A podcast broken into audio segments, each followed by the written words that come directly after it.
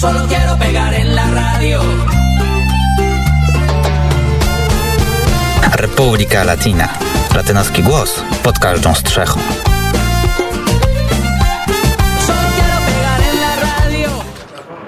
To chyba mogę Muy się buenas przywitać. tardes. Dobry wieczór. Znaczy dzień dobry. ja, tak, ja tak z przyzwyczajenia mówię, że dobry wieczór. Dzień dobry, buenas tardes, oczywiście. E, zaczynamy serwis z informacjami z Ameryki Łacińskiej. E, zacznijmy go od e, stosunków wenezuelsko-kolumbijskich, a w zasadzie kolumbijsko-wenezuelskich, bo e, no, to jest taki temat rzeka. On się e, już pojawia od kilku tygodni, zwłaszcza w e, osobie nowego prezydenta kraju, czyli Gustavo Petro. Następuje pewne odświeżenie stosunków kolumbijsko-wenezuelskich. O tym wspominałem Państwu tydzień temu. Natomiast to, co też jest ważne, że e, Gustavo Petro stawia taką czerwoną linię, jeżeli chodzi o ustępstwa na rzecz Wenezueli. O czym mowa? E, Wspominałem Państwu w ubiegłym tygodniu, że mm, Kolumbia e, przywróciła stosunki dyplomatyczne z Wenezuelą, nazwijmy to z reżimem ciawistowskim. E, pojawili się ambasadorowie w obydwu krajach. E, otwarte zostały granice pomiędzy Kolumbią a Wenezuelą. W dodatku teraz jeszcze kilka dni temu Gustavo Petro zaczął namawiać linie lotnicze z Kolumbii, żeby wznowiły loty właśnie w kierunku wenezuelskim. Ale to są takie, powiedzmy, kontakty, nazwijmy to, no, dobrosąsiedzkie, graniczne, prawda, które powinny występować pomiędzy obydwoma państwami. E, Z drugiej strony, proszę Państwa, Gustavo Petro nie idzie na duże ustępstwa wobec reżimu e, ciewistowskiego. Jeszcze nie idzie. Czy będzie szedł, zobaczymy. E, Ważne, o czym e, warto wspomnieć, że e, w ostatni poniedziałek, czyli już w tym tygodniu, Diosdado Cabello, czyli numer dwa reżimu ciewistowskiego, wezwał, e, czy wezwał, no nie wiem, czy wezwał, czy pod, poprosił, bo teoretycznie poprosił, natomiast e, oficjalnie czy nieoficjalnie można tak powiedzieć, że wezwał e, Gustavo Petro, żeby dokonać ekstradycji e, kilku przedstawicieli opozycji wobec reżimu ciewistowskiego. Jak sam e, powiedział, e, państwo kolumbijskie powinno dokonać ekstradycji opozycjonistów wobec e, partii rządzącej, którzy są poszukiwani przez wymiar sprawiedliwości sąsiedniego kraju.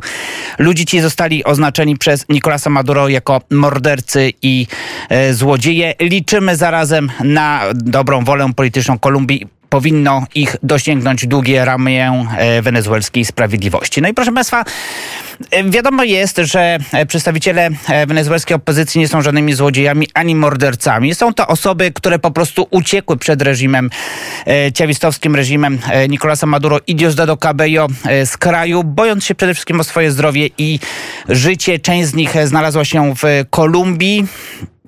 Reżim ciewistowski chętnie by ich e, ściągnął z powrotem do Wenezueli i wsadził do więzień. E, tymczasem Gustavo Petro e, na Twitterze napisał tak. Kolumbia gwarantuje prawo do azylu i schronienia. E, I e, de facto każda osoba, która tutaj poprosiła o azyl, nie zostanie wydalona. Czyli jednym słowem można powiedzieć, e, używając takiej współczesnej, współczesne, współczesnego zobrazowania, po prostu pokazał środkowy palec reżimowi wenezuelskiemu, co zresztą zostało dostrzeżone zarówno wśród Kolumbijczyków, jak i Wenezuelczyków. Opozycja wenezuelska nawet wręcz wspomniała, że Gustavo Petro zaczyna wyrastać na męża stanu. Ja bym tutaj tak może nie przesadzał, e, bo e, de facto mówimy praktycznie o pierwszym miesiącu rządów tego prezydenta e, i de facto będzie można go oceniać dopiero za kilka miesięcy, a może nawet i lat. W każdym razie na pewno w stosunkach wenezuelsko-kolumbijskich należy liczyć na długie i ciężkie rozmowy, które w każdej chwili mogą zostać e, zerwane.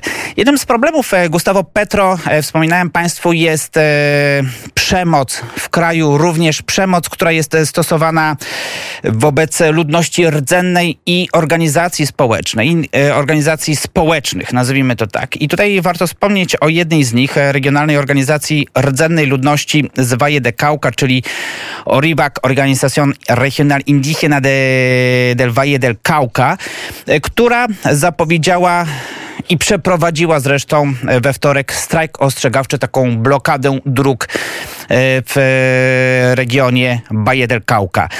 O co chodzi? Chodzi o to, że członkowie społeczności rdzennej razem również i organizacji Oriwak, ale nie tylko, czują się zastraszani przez przestępców, przez grupy zbrojne, przez owych paramilitaryz, którzy grożą porwaniami, czy nawet wręcz śmiercią. I uważają zarazem, mówię o przedstawicielach rdzennej ludności i grup społecznych, że Władze Kolumbii, e, w tym władze regionalne, gubernatorzy e, praktycznie nie, przez, e, nie przejmują się ich losem. W związku z tym Oriwak wezwał innymi prezydenta Gustavo Petro, wiceprezydent Francją Marquez, gubernatora Valle del Cauca, ale również, również i innych przedstawicieli, innymi Rzecznika Praw Obywatelskich, prokuratorę generalną, tudzież agendy, kilka agent ONZ, ONZ-u, e, żeby zapewniono gwarancję życia e, mieszkańcom i przywódcom Oriwak, e, żeby nie naruszano ich praw.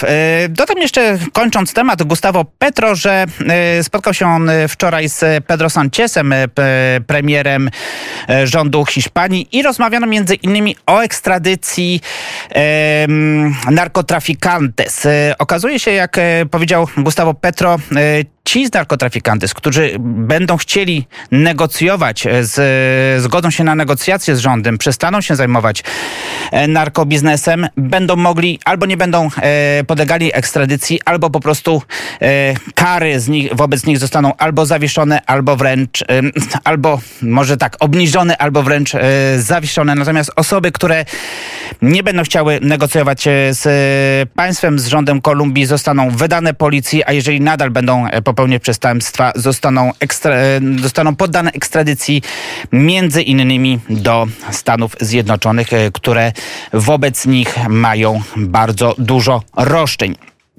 Wspominałem Państwu o Wenezueli. Głos wobec Wenezueli e, pojawił się również ze strony brazylijskiej, ze strony Luisa Inácio Lula da Silva, czyli e, kandydata w wyborach prezydenckich w tym kraju najmocniejszego, jak, jak dotychczas e, najsilniejszego e, przedstawiciela lewicy, byłego prezydenta kraju, który powiedział, że w Wenezueli jak najszybciej powinny e, odbyć się wolne i silne, e, wolne i demokratyczne e, wybory. E, powinien zostać wyłoniony nowy rząd, który będzie zaakceptowany przez wszystkich aktorów politycznych w kraju. Zarazem dodał tutaj taką łatkę wobec reżimu Nicolasa Maduro. Jak powiedział, nie ma niezastąpionych zastąpionych polityków ani prezydentów. Co jest zresztą, proszę Państwa, dosyć ciekawe, bo e, Luis Inácio Lula da Silva e, wyrażał swoją, e, swoją sympatię wobec najpierw reżimu Hugo Chaveza, później Nicolasa Maduro. Sam twierdzi, że Juan Guaido, czyli przywódca opozycji wenezuelskiej, tymczasowy prezydent Wenezueli, opozycyjny, nie jest prawowitym prezydentem Wenezueli i nie można go uznawać. Natomiast i zresztą sam powiedział, wspominał również, że jeżeli w przypadku, jeżeli ob obejmie on urząd prezydenta, mowa, mowa oczywiście o Luli, e, uzna reżim w Caracas. W tej chwili Brazylia uznaje Juana Guaido za prezydenta e, Wenezueli. Zarazem też e, oberwało się kontrkandydatowi w wyborach, czyli obecnemu prezydentowi Brazylii, czyli Jairowi Bolsonaro, który, którego Lula nazwał osobą znacznie gorszą od Maduro, dlatego że on chce obalić Nicolasa Maduro, natomiast jedynym podmiotem, który może zmienić e, władzę, które ma do tego prawo jest suweren czyli naród, a nie żaden przywódca czy przedstawiciel obcego e, państwa. Z kolei, proszę Państwa, e, Jair Bolsonaro e, wypowiedział się ostatnio, że jeżeli wygra wybory, będzie utrzymywać relacje polityczne ze wszystkimi rządami, w tym również i lewicowymi. Na koniec dodam Państwu, że e, Luis Inácio Lula da Silva wielokrotnie był krytykowany za brak odrzucenia naruszeń praw człowieka na Kubie, w Wenezueli i Nikaragui. A skoro mówimy o lewicowych prezydentach Ameryki Łacińskiej, krajów Ameryki Łacińskiej, warto wspomnieć o inicjatywie inicjatywie takim liście e, kilku e, przywódców właśnie związanych z lewicą latynoamerykańską, e, takim piśmie w obronie byłej prezydent kraju, byłej prezydent Argentyny, Krystyny Fernandez de Kirchner, która obecnie jest oskarżana o nadużycia, między innymi o korupcję.